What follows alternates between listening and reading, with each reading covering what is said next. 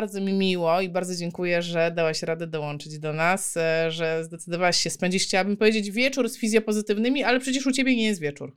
Tak, u mnie dopiero 14, więc połowa dnia dopiero. Ale tą połowę dnia chętnie z Wami spędzę. Jeżeli ktoś jeszcze nie widział, nie wie kim jest e, Gosia Starzec-Proserpio, zajrzyjcie na kanał. Jest już kilka bardzo zacnych materiałów e, z Gosią. Gosia zajmuje się ja, wiesz, nawet mi ciężko wymienić, bo ty się zajmujesz wieloma rzeczami. Tak generalnie powiedziałabym ból, miednica, uroginekologia, seksuologia, tak, poniekąd też, przez to, że jestem właśnie fizjoterapeutą e, uroginekologicznym i pracuję z pacjentkami z zaburzeniami seksualnymi, głównie tymi związanymi e, z bólem. Naukowo też trochę działam, no i, i, i jestem też wykładowcą, więc tak jakby łączę te, te wszystkie ścieżki gdzieś tam, żeby dywersyfikować te obowiązki zawodowe. Zdrać sekret, co robisz w Kanadzie? W Kanadzie przebywam e, obecnie na stażu naukowym. To jest fantastyczne e, centrum badawcze tutaj w kanadyjskiej prowincji Quebec.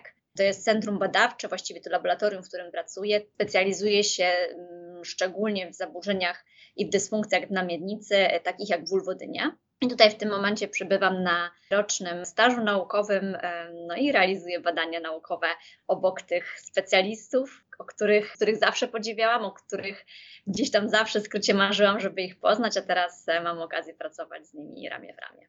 No, słuchajcie, tak się żyje. Tak się żyje. Na rok do Kanady, robić badania, pić dniowe late i nie wiem, co wy tam jeszcze robicie w Kanadzie. Zakładać ciepłe buty tak, ciepłe buty już powoli zakładamy. Dzisiaj już pierwsze przymrozki są za nami, e, także rano jak tutaj przyjeżdżam, to szron na, e, na trawie był. Zima się już kanadyjska powoli zaczyna. Małgosiu, powiedz, jak wrócisz do Polski, zamierzasz wrócić do swojego poprzedniego miejsca, tam gdzie pracowałaś?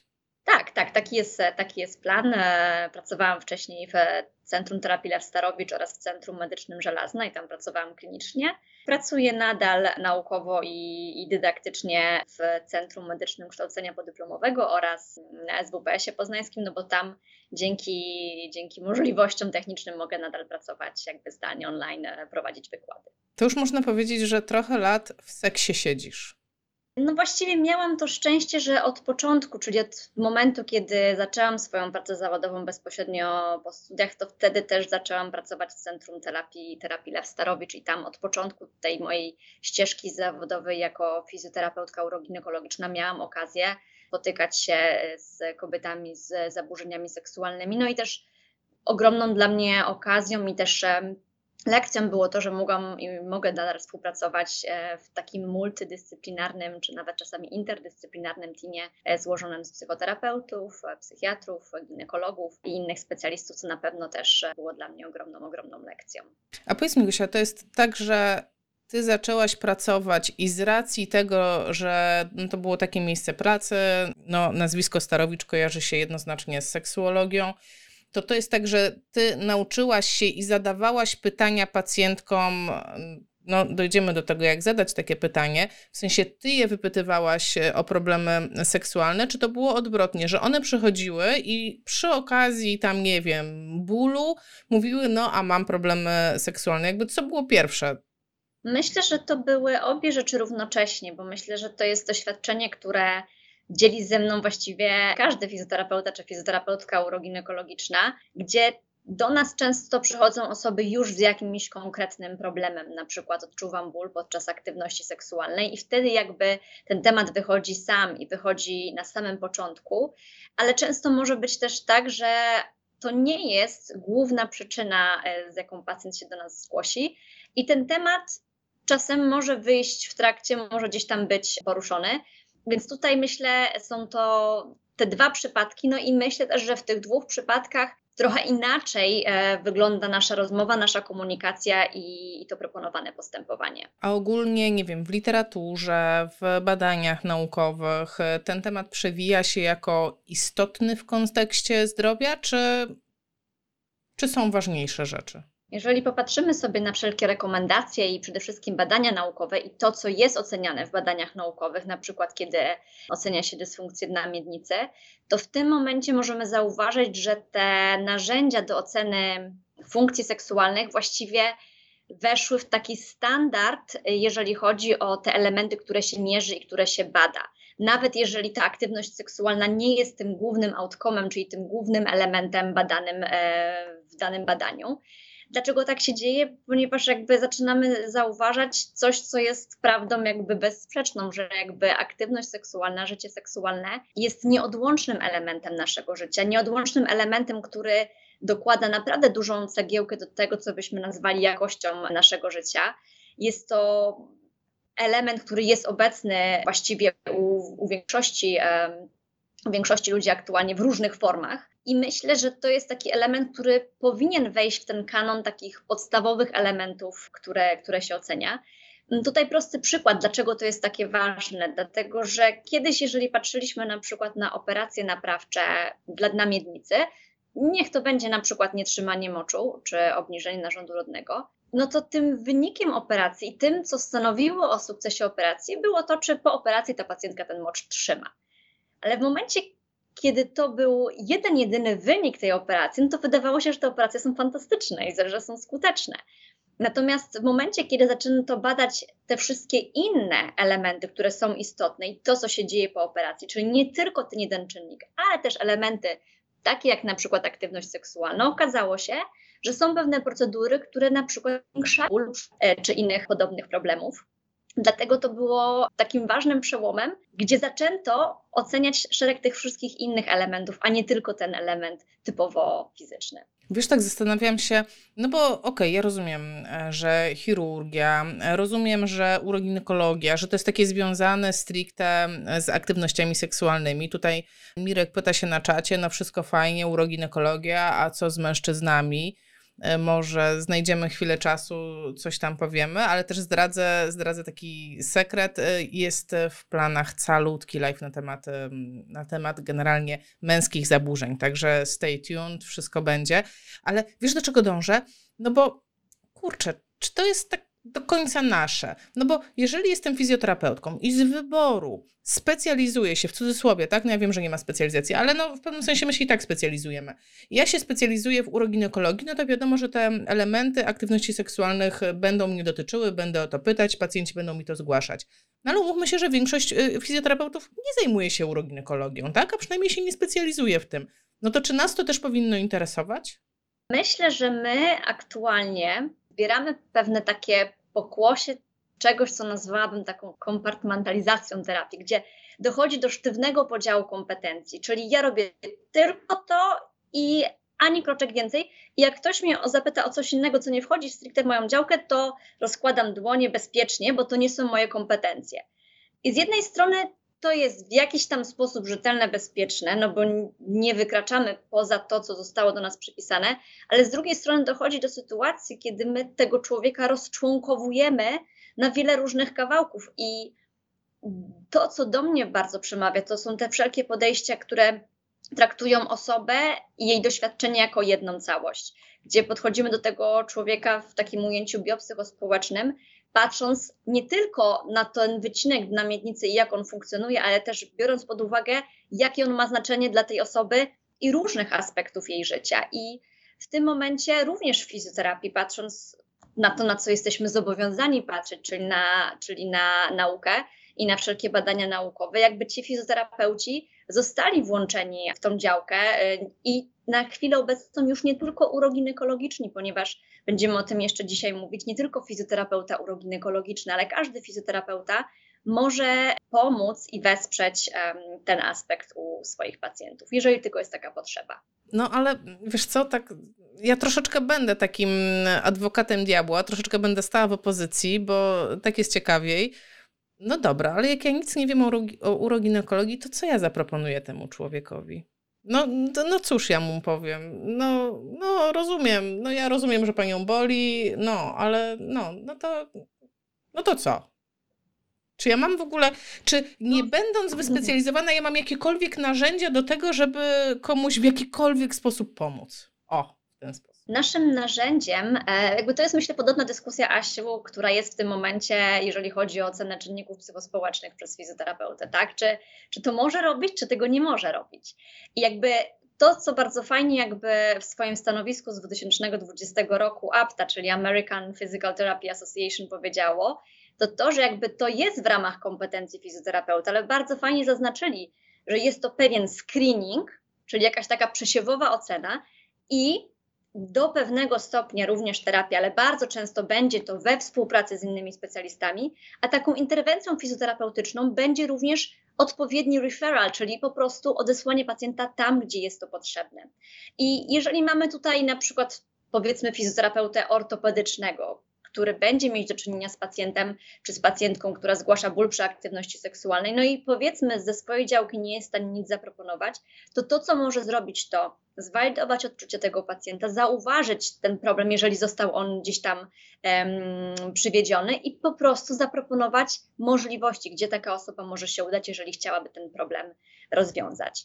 Natomiast uważam też, i o tym już dużo rozmawiałyśmy razem, że jest masę elementów, które w ramach fizjoterapii możemy wprowadzić u naszych pacjentów, na przykład po urazach ortopedycznych, we wszelkich chorobach neurologicznych, które pomogą tym osobom być sprawniejszym nie tylko w codziennym życiu, ale też w aktywności seksualnej, jeżeli to jest oczywiście to, nad czym oni chcą pracować. Moja koleżanka psychoterapeutka podrzuciła mi ostatnio bardzo mm, ciekawe badanie, które mówi o tym, że pacjenci, w tym badaniu jakby wyszło, że pacjenci nie są chętni rozmawiać z fizjoterapeutami o swoim życiu seksualnym.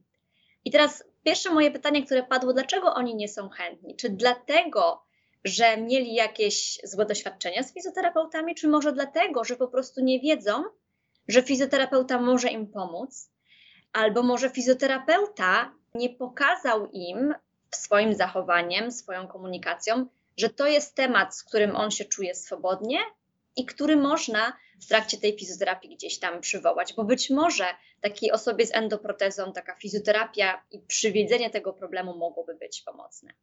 Wiesz co? No ale no ja tak będę patrzeć troszeczkę od swojej strony, e, od pacjentów neurologicznych, ale również mam bogate doświadczenie z pacjentami ortopedycznymi, wiesz, na takiej zwykłej przychodni, gdzie przychodzili wszyscy pacjenci na NFZ, czyli tak jak to się mówi, no wszystkie problemy z tego świata i przewlekłe i nieprzewlekłe i stany po operacji. I Powiem ci, że ja nigdy nie pytałam o aktywności seksualne. Tak, chyba by mi to, nie wiem, nawet tak nie przeszło w jakiś sposób, nie przyszło mi to w ogóle do głowy, że to jest istotne, ale zdarzali się rzeczywiście pacjenci, którzy zgłaszali te problemy i niejednokrotnie to nie były problemy takie typowo uroginekologiczne, tylko to były problemy typu boli mnie biodro, jak mam szeroko rozstawione nogi. Nie wiem, nie mogę się utrzymać w pionie. Nie wiem, spadam z mojego partnera, bo nie trzymam się, po prostu nie mam kontroli posturalnej, żeby utrzymać tą pozycję. I tutaj moje pytanie, w jaki sposób my moglibyśmy pomóc tym pacjentom, w jakiś sposób otworzyć się w taki, wiesz, delikatny sposób dać im tą informację, że my również w tej sferze no możemy przede wszystkim wysłuchać ich problemów i być może na część możemy zaradzić. No nie wiem, włączyć to do wywiadu, no ale to tak jakoś dziwnie, Gosia. No, ja myślę, że jakby to powinno być w wywiadzie tylko wtedy, jakby zadane arbitralnie, czyli kiedy my wychodzimy z tym pytaniem w wywiadzie, tylko wtedy, kiedy może nam to dać jakąś klinicznie istotną informację. Na przykład, jeżeli mamy jakieś osoby z zaburzeniami o charakterze neurologicznym, podejrzewam jakieś zaburzenia czucia, przewodnictwa, tamte informacje dotyczące aktywności seksualnej mogą nam rzeczywiście nieść klinicznie istotną wiedzę.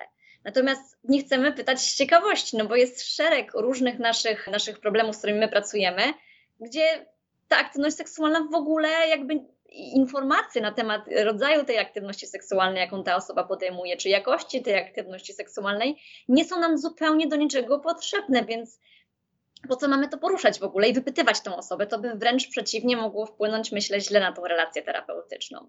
Natomiast myślę, że przede wszystkim musimy zwracać uwagę na to, co mówimy i jak komunikujemy. Prosty przykład, który mm, jest z mojej działki, ale być może jest przydatny też dla innych fizjoterapeutów.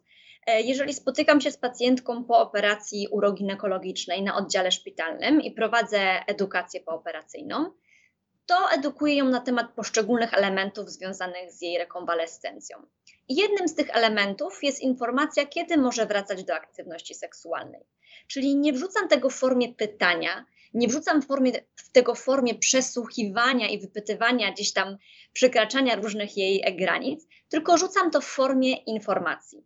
Rzucam to w formie informacji, która jest podana w sposób um, profesjonalny, która nie podchodzi te, do tego w formie, wie pani co, a te sprawy to dopiero za 6 tygodni. Tylko informuję to w sposób bardzo profesjonalny, nie robiąc z tego wielkiego wow, e, tak żeby pokazać tej osobie, że jest to temat zupełnie normalny, jest to temat traktowalny na równi z powrotem do aktywności fizycznej czy jakichkolwiek innych elementów, które omawiamy.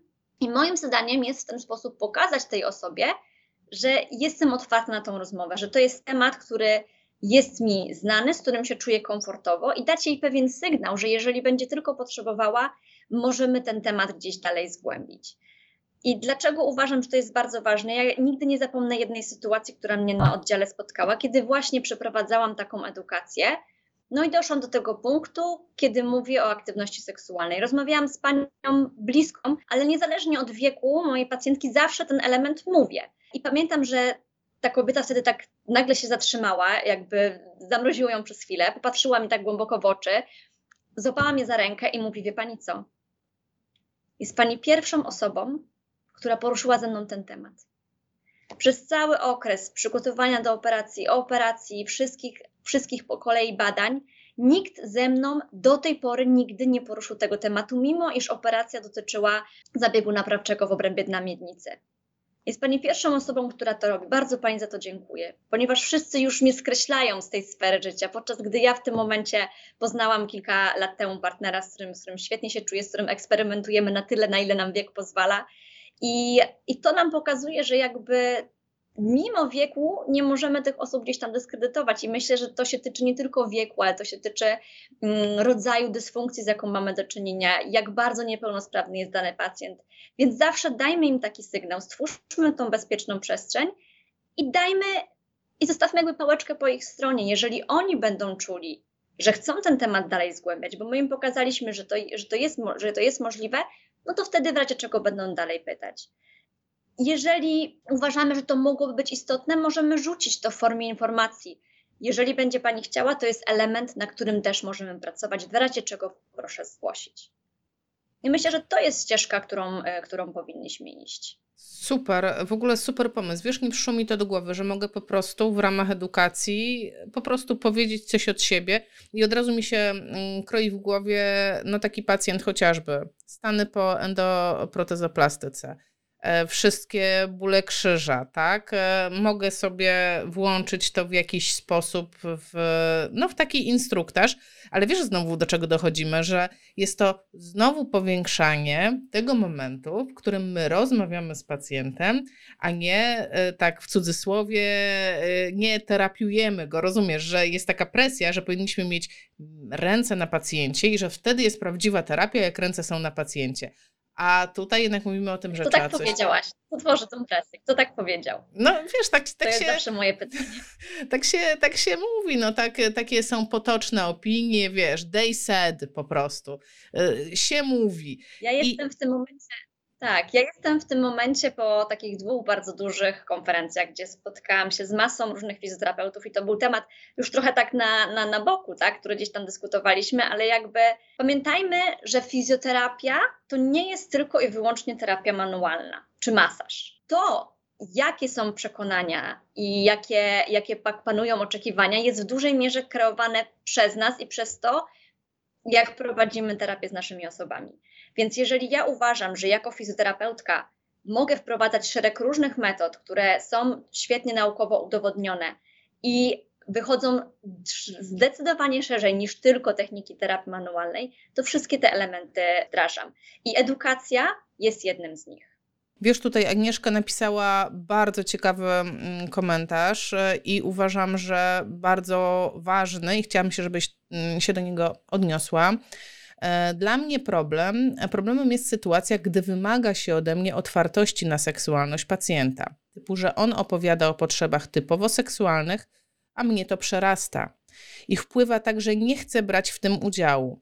E, I tutaj Agnieszka pisze, tak skracając, że stanęła w takiej sytuacji, że wymagano tego od niej, a ona tego nie czuje. I wiesz, wydaje mi się, że to może być odczucie wielu z nas. Ja również e, jakby wiem, o czym Agnieszka mówi. Ja rozumiem to, bo też byłam w takich sytuacjach, że czułam się bardzo niekomfortowo, kiedy pacjent tak jakby napierał z tą e, z tymi swoimi pytaniami. Ja nie dość, że nie znałam na nie odpowiedzi, bo tak po prostu nie znałam na nie odpowiedzi, ale z drugiej strony one no, wpędzały mnie w taki głęboki dyskomfort.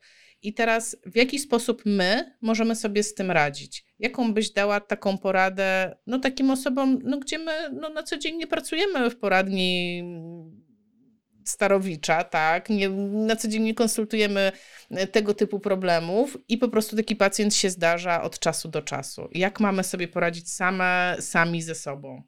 No ja myślę, że to, to może być rzeczywiście problem, szczególnie w takiej dynamice, kiedy mamy do czynienia z kobietą fizjoterapeutką, która na przykład pracuje z mężczyzną, który czasem może być dużo większy, mniejszy od niej, to też może stwarzać taką dynamikę dla niektórych mniej komfortową. Natomiast ja mam to ogromne szczęście, że gdzieś tam miałam możliwość korzystania z superwizji, z takiego mentoringu, wsparcia i do tej pory korzystam z tego, z tego typu form wsparcia, bo dla mnie przede wszystkim pierwszym elementem, jeżeli nawet nie mam możliwości takiego profesjonalnego mentoringu, to byłaby jakaś forma rozmowy z kolegami, z koleżankami pracującymi na przykład ze mną, na ile ta sytuacja jest sytuacją, która rzeczywiście przekracza pewne granice, a na ile to jest sytuacja, która być może wynika z różnych moich przekonań. To jest coś, co na pewno bym chciała w pierwszej kolejności próbować sobie zweryfikować.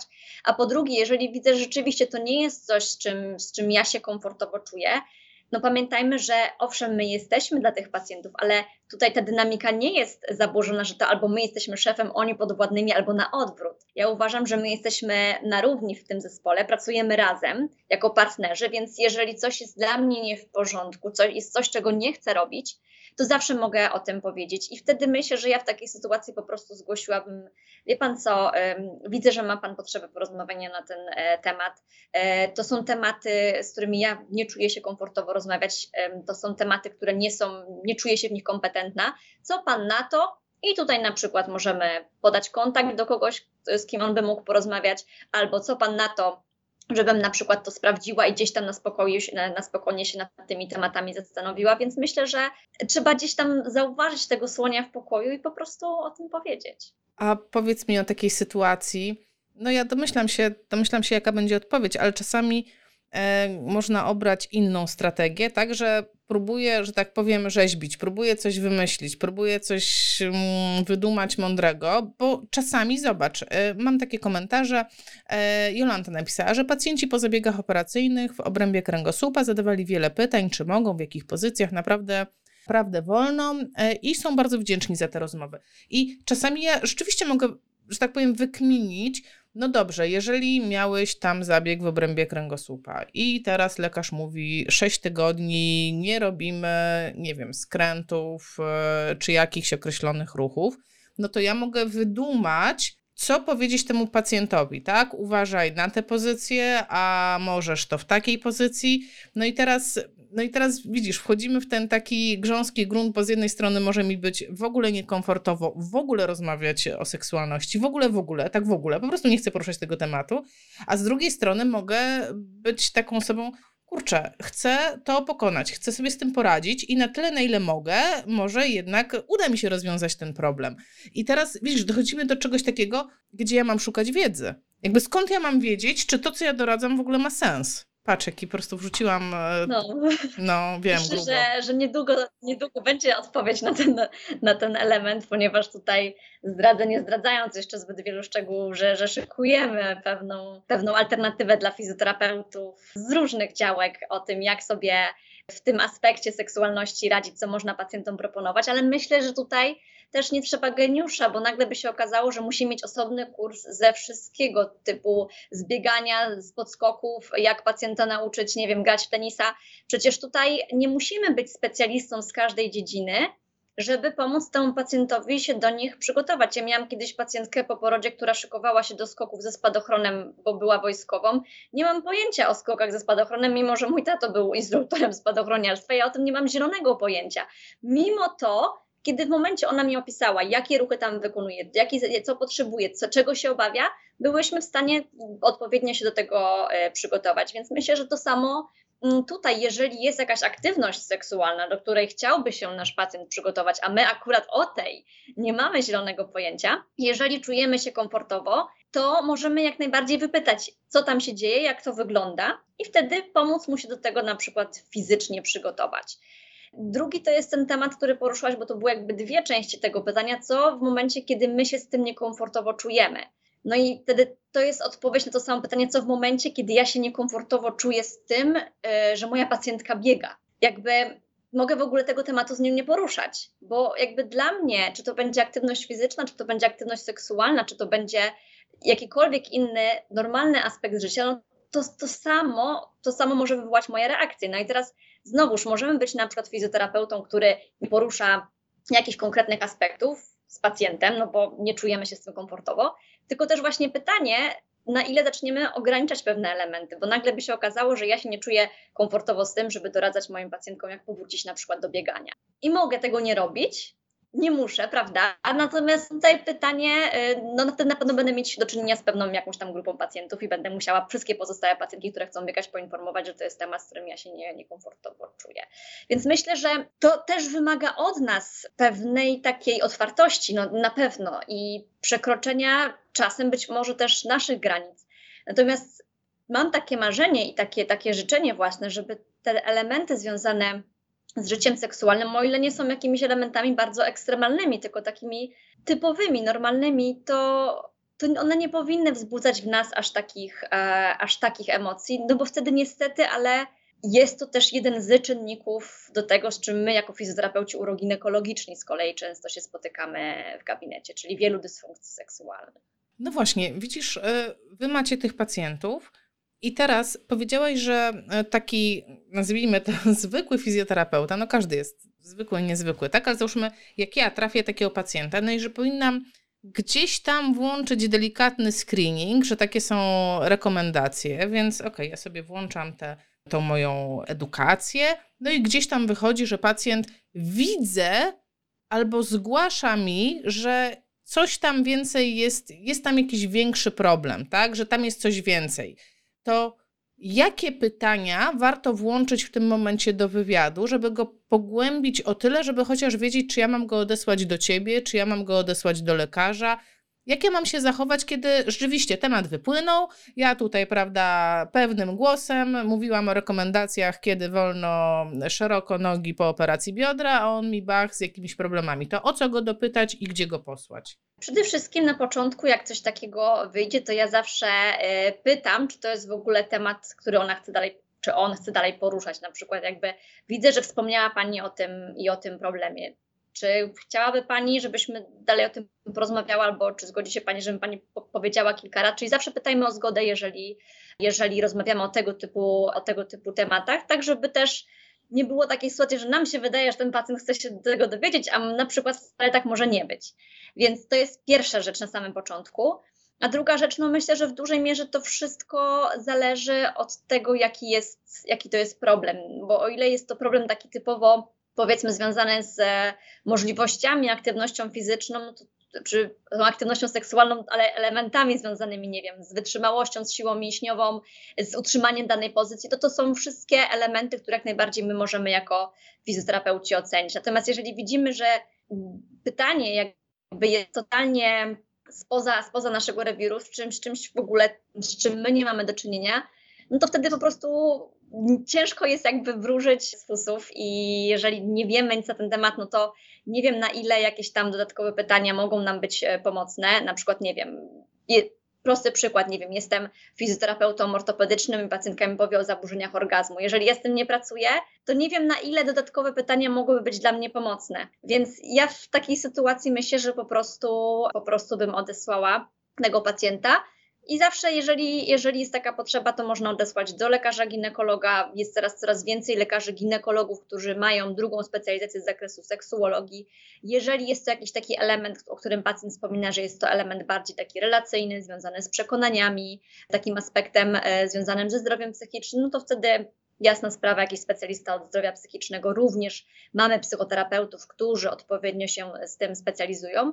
Niezależnie od tego, zawsze można wysłać do fizjoterapeuty, bo to nie jest tak, że najpierw trzeba iść do ginekologa, żeby potem pójść do fizjoterapeuty uroginekologicznego. To może iść jednoczasowo, bo też zwykle ci specjaliści będą się e, uzupełniać. E, tutaj Mirek napisał. Nie wiem, czy na Twoje pytanie. Myślę, że tak, myślę, że tak. Wiesz, po prostu temat jest trudny. Nie ukrywajmy tego. To nie jest coś, tak mi się wydaje. Nie, nawet nie wydaje mi się. Ja to wiem, bo czytałam po prostu badania, poszukiwałam informacji, na ile pacjenci z problemami neurologicznymi mają szansę na pomoc e, w poprawie swojego życia seksualnego. I pierwszym, pierwszą taką rzeczą, która mi się rzuciła w oczy w badaniach, to nikt ich nie pyta w ogóle. Nikt ich nie pyta o ten o tą sferę, o, tą sferę życia, tak? Czyli e, człowiek dostaje udaru, jest leczony i coś na zasadzie, no ciesz się, że przeżyłeś, no ciesz się, że przeżyłeś. To trochę tak jak ta e, twoja pani, tak, którą już każdy skreślił, no ty już na pewno tego nie robisz. I ja mam troszeczkę takie poczucie, że w neurologii jest tak samo. E, nie tyczy się to pacjentów z urazami rdzenia kręgowego, bo to są, to jest inna grupa pacjentów, tak? Ja mówię o moich pacjentach udarowych, że no w ogóle nie ma tego tematu. I stąd moje pytanie, no dobra, jak nie ma tego tematu, teraz ja się naczytałam literatury i teraz ja bym chciała ten temat wprowadzić, no to jak? No ale fajnie, że mi już powiedziałaś, dobrze, to nie pytaj, to po prostu zrób instruktaż i zobacz, co pójdzie dalej. No ale teraz różne dziwne rzeczy mogą pójść dalej, bo na przykład w neurologii może pójść dalej pacjent, który y, nie zinterpretuje tego we właściwy sposób. Bo to też jest, wiesz, teraz to jest taka śliska sprawa. Zobacz, wyobraź sobie sytuację, kontekst po prostu taki społeczny, można powiedzieć. Fizjoterapeutka jedzie do pacjenta, nie wiem, mężczyzny 60 plus i zaczyna go w rehabilitacji domowej, będąc sama w domu wypytywać o życie seksualne. Wiesz, no kurczę, ślisko. No oczywiście, dlatego jakby to jest też temat, który nie powinien być w formie takiej, że ja go wypytuję, tylko raczej, e, tak jak wspominałam, no tutaj powinien być ten element, e, kiedy pacjent rzeczywiście wyraża potrzebę, mówi konkretnie o swoim problemie, na przykład, nie wiem, mam problem z tą i z tą postą, czy jest coś, co możemy zrobić. My zawsze możemy jakby to zaproponować, zapytać się, czy w ogóle pacjent chce na ten temat dalej rozmawiać i też myślę, że no, ocenić sytuację. My też jakby mamy jakiś ogląd sytuacji, potrafimy wziąć pod uwagę kontekst, potrafimy wziąć pod uwagę osobę, która jest przed nami i mniej więcej jesteśmy w stanie tam, gdzie to jest możliwe, e, wziąć je wszystkie pod uwagę i zinterpretować, na ile to jest sytuacja, która jest niebezpieczna, a na ile to jest sytuacja związana z typową rozmową e, specjalistów. A myślę, że to jest potrzebne, żeby ten temat wprowadzać nie w formie tematu tabu, tylko w formie tematu, który po prostu traktujemy jako jeden z normalnych elementów życia człowieka, głównie dlatego, że często pacjenci o to się sami boją czy wstydzą pytać, więc ten element takiego powiedzenia, na przykład do aktywności seksualnej można wracać wtedy i wtedy, pokazuje, że w jakimś momencie mogą się, w jakimś stopniu mogą się z nami w tym temacie czuć e, bezpiecznie. I zawsze e, w razie potrzeby mogą dalej wypytać. Ja mam to samo z pacjentkami, z którymi rozmawiam.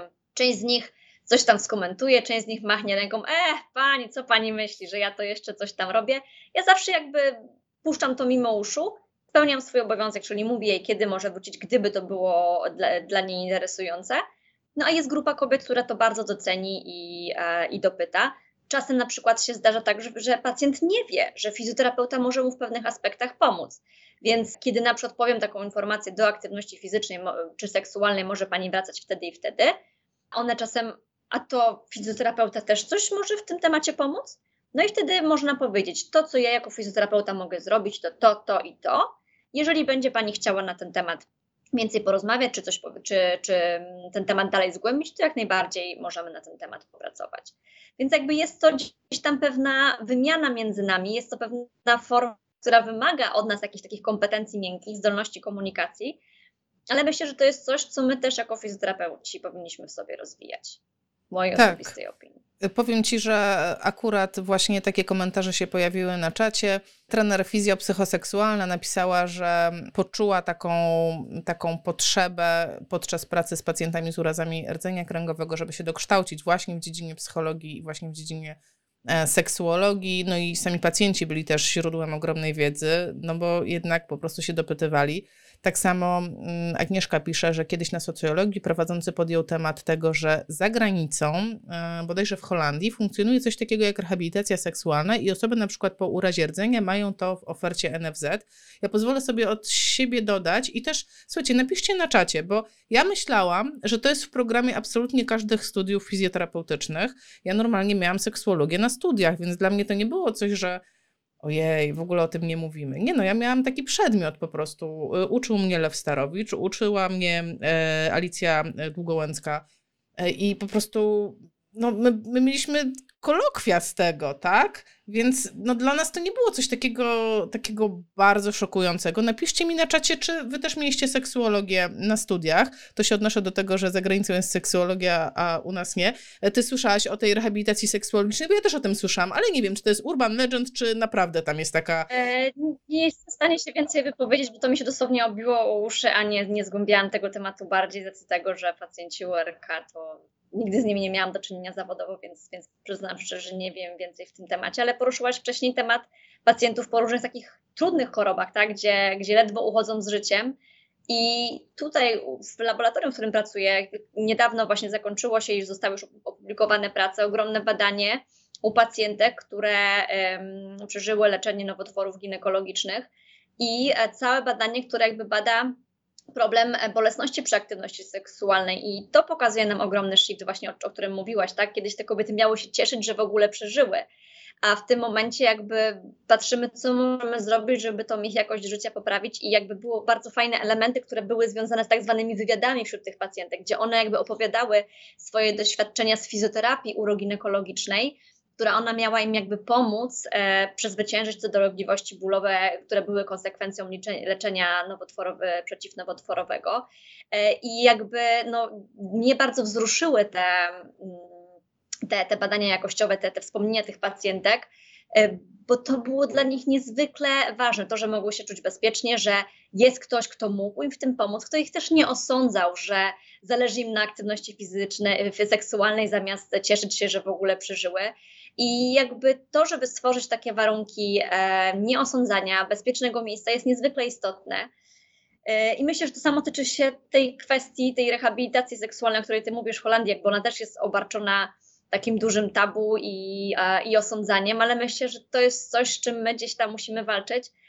Prosty przykład pacjentek e, z zaburzeniami o charakterze pochwicy, czyli jakby tą niemożnością odbycia e, stosunku penetracyjnego i to, jak kulturowe różne e, uwarunkowania wpływają na tą sytuację i też wpływają na fizjoterapię, ponieważ często narzucany jest cel e, jako cel terapii, ok, no to teraz celem terapii i sukcesem fizjoterapeutycznym będzie to, żeby ta pacjentka mogła odbyć pełen stosunek płciowy i na przykład, żeby był on przyjemny i tak dalej, ale to wcale może nie być tej, celem tej pacjentki, bo u części tych kobiet celem owszem może być bliskość i przyjemność seksualna, ale dla części z tych kobiet celem będzie tylko i wyłącznie zajście w ciążę.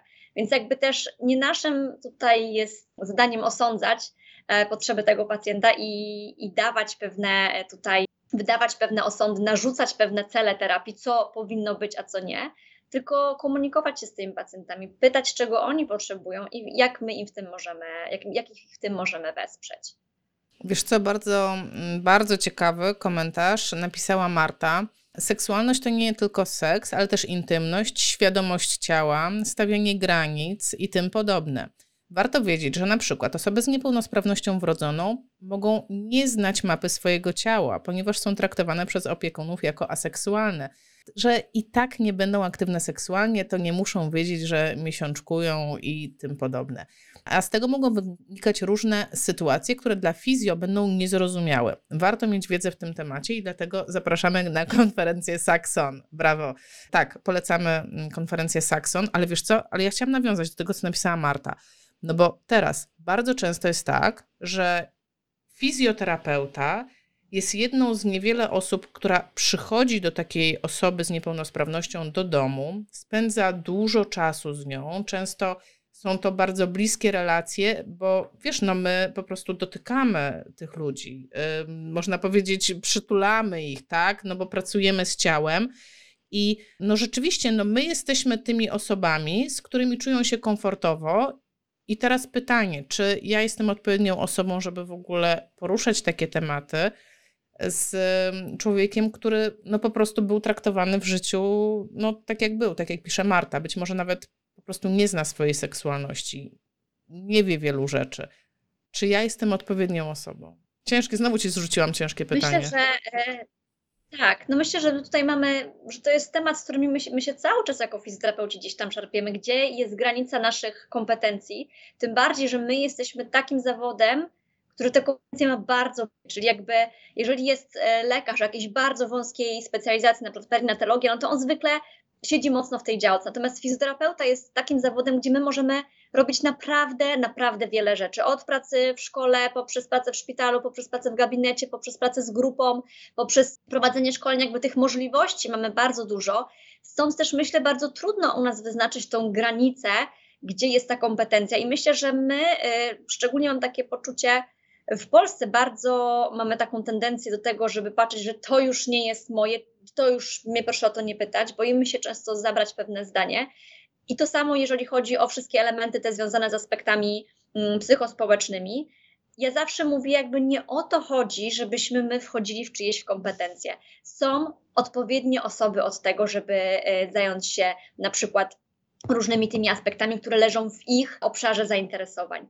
Natomiast jest szereg elementów, które my tego obszaru seksuologicznego możemy poprzez oddziaływania fizjoterapeutyczne i działania fizjoterapeutyczne jak najbardziej zaadresować. I to jest ten element, po, to my, po, co, po co my to robimy. Czyli jeżeli przychodzi e, do mnie pacjentka na przykład właśnie z zaburzeniami orgazmu, to ja nie pracuję, jakby nie jestem seksuologiem, nie jestem psychologiem, nie pracuję nad tymi wszystkimi aspektami psychologicznymi czy seksuologicznymi, które mogłyby tutaj mieć znaczenie, pracuję nad tymi elementami, nad którymi ja jako fizjoterapeuta mogę pracować.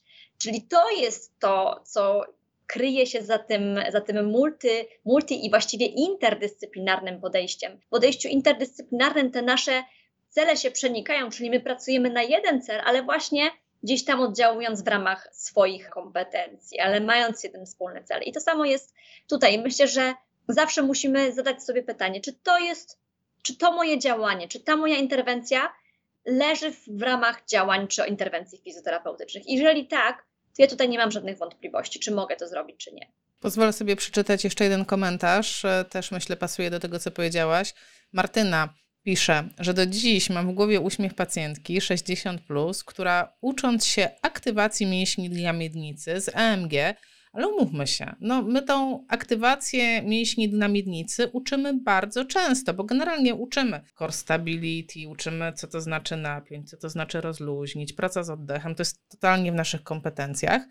E, I Martyna pisze, że ona sama zapytała, czy w trakcie seksu mogłaby to robić i że wcześniej w ogóle nie pomyślała o tym, że to, no, że mogłaby wdrożyć taką rzecz jak napięcie na miednicę w trakcie seksu i była bardzo zadowolona.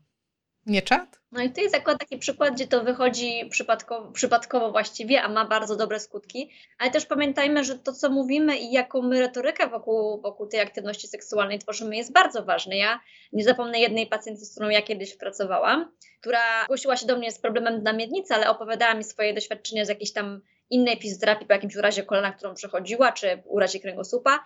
I pracowała z fizjoterapeutą, który który uczył ją ruchu w obrębie miednicy, przodotyło pochylenie miednicy i tam padł taki komentarz bardzo taki sposób, no nie do końca profesjonalny dla tej pacjentki, w jej odczuciu, tak, no bo nie wiem jak to było. No wie pani, no tak jak przy seksie, jak pani się nie rusza przy seksie? Więc jakby, wiecie, tutaj chodzi o to, w jaki sposób my komunikujemy pewne elementy.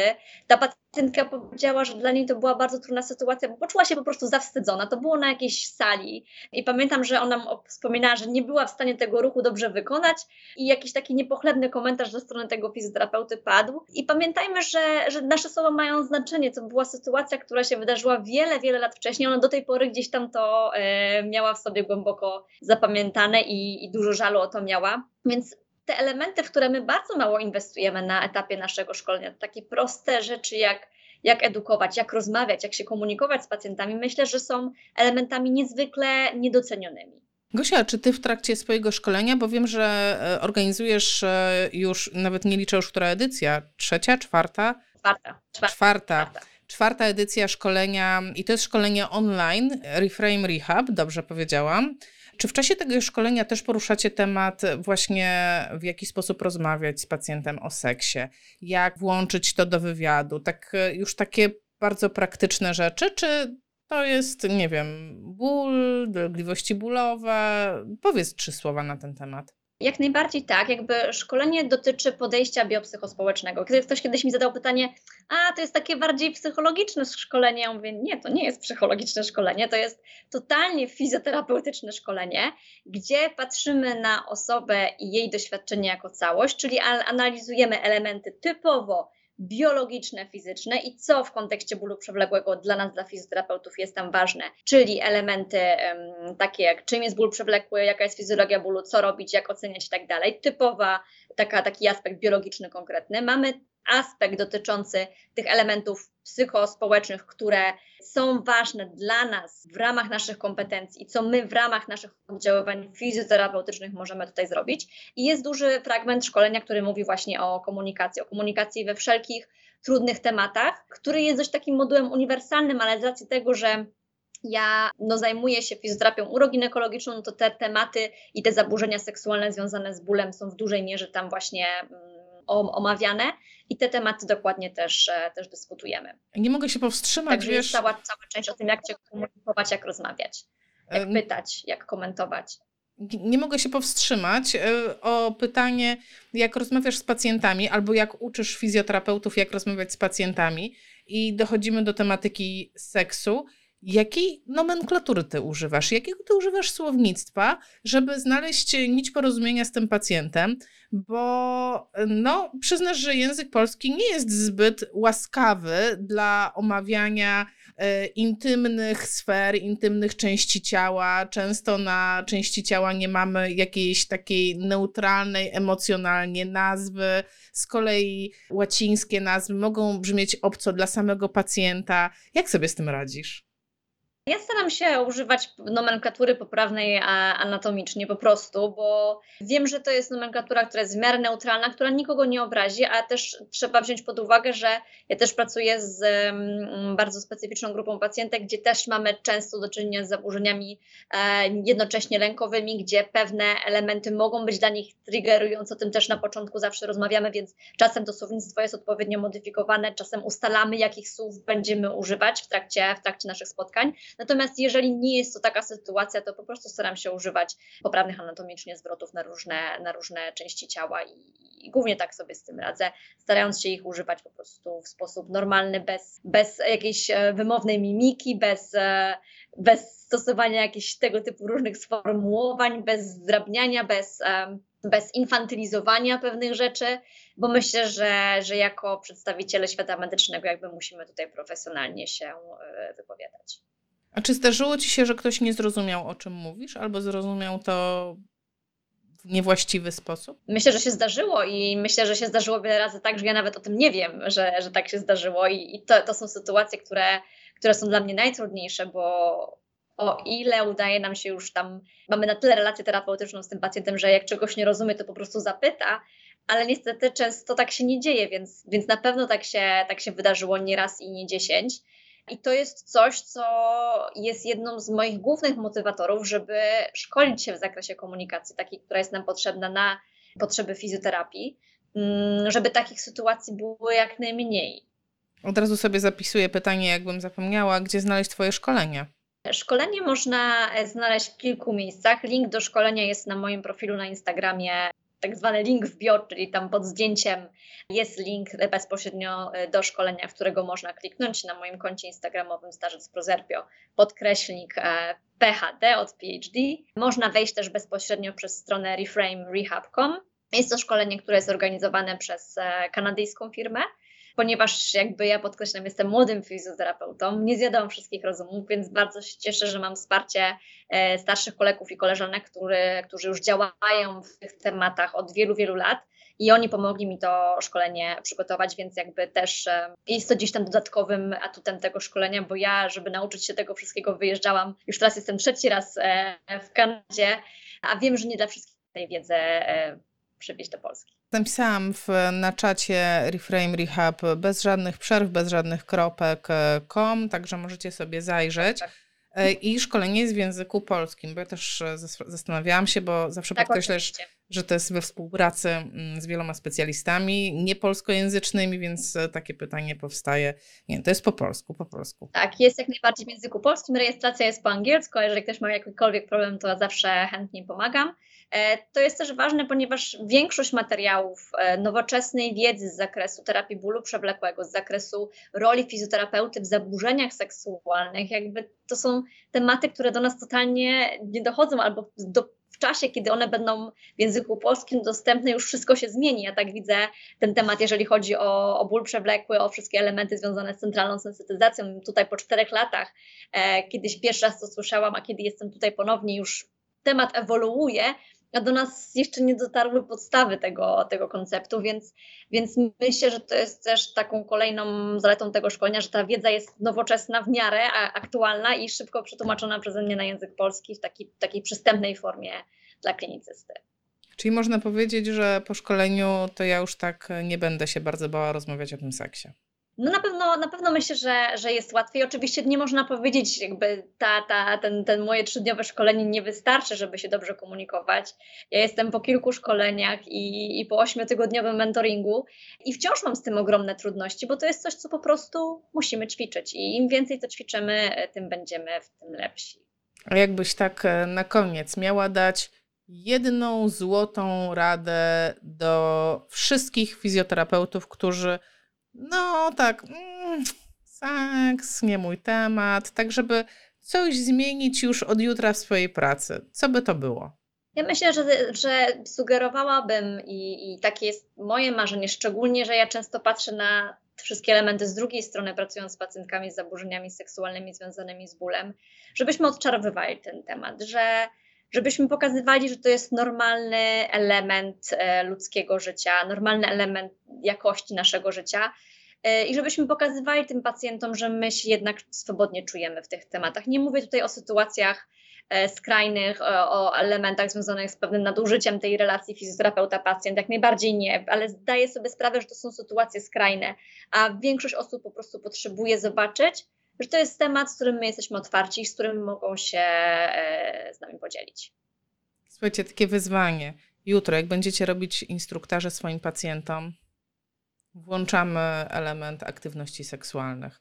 O, tam, ja... gdzie jest to zasadne oczywiście, tak? Bo też nie musimy tego narzucać tam, gdzie nie jest to zupełnie potrzebne. Też nie, nie oszukujmy się, ale tam, gdzie jest to zasadne, na przykład, nie wiem, po operacji ortopedycznej, e, po jakimś urazie, tam, gdzie jest to zasadne, po prostu rzućmy to jako, jako, jako taki temat, kiedy można do tego wracać. I zostawmy to i zobaczmy, jaka będzie reakcja, bo jeżeli nie będzie żadnej reakcji, to jest też ok, bo nie każdy potrzebuje o tym rozmawiać, nie każdy o tym chce działać z fizjoterapeutą. Nie, nie chcę, żeby tutaj był, był to pewien odebrane w kontekście jakiegoś obowiązku, ale pokażmy, że to jest temat, który można z nami poruszyć i my jesteśmy w stanie profesjonalnie do tego tematu się odnieść w ramach naszych kompetencji i w ramach tego, co my możemy jako fizjoterapeuci zdziałać.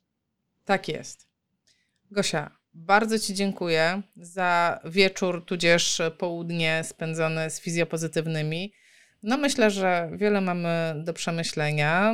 Mam taką nadzieję, że jutro kilka instruktarzy w Polsce będzie i że powolutku, powolutku temat będzie się zmieniał. E, obserwujcie nas, obserwujcie Gosię. Ja tak Wam podpowiem, jak ktoś nie zapamiętał, jak Gosię znaleźć na Instagramie, to wystarczy wpisać starzec Proserpio i już się wyświetla i e, Instagram absolutnie podpowiada Twoje konto. Także Staram polecam. Się wrzucać jakieś nowinki ze świata nauki i, i, i wiedzowe, więc tam najwięcej się, najwięcej się dzieje teraz. Także ja Wam polecam. E, piszcie, stosujcie się do porad i Gosia, bardzo, bardzo Ci dziękuję. E, trzymam kciuki za Twój staż, no i trzymam kciuki za projekt, którego jeszcze nie możemy nazwać głośno i wypowiedzieć. Ale Mam nadzieję, że już niedługo, już się nie mogę doczekać. Będzie się działo. Bardzo dziękuję. Do zobaczenia.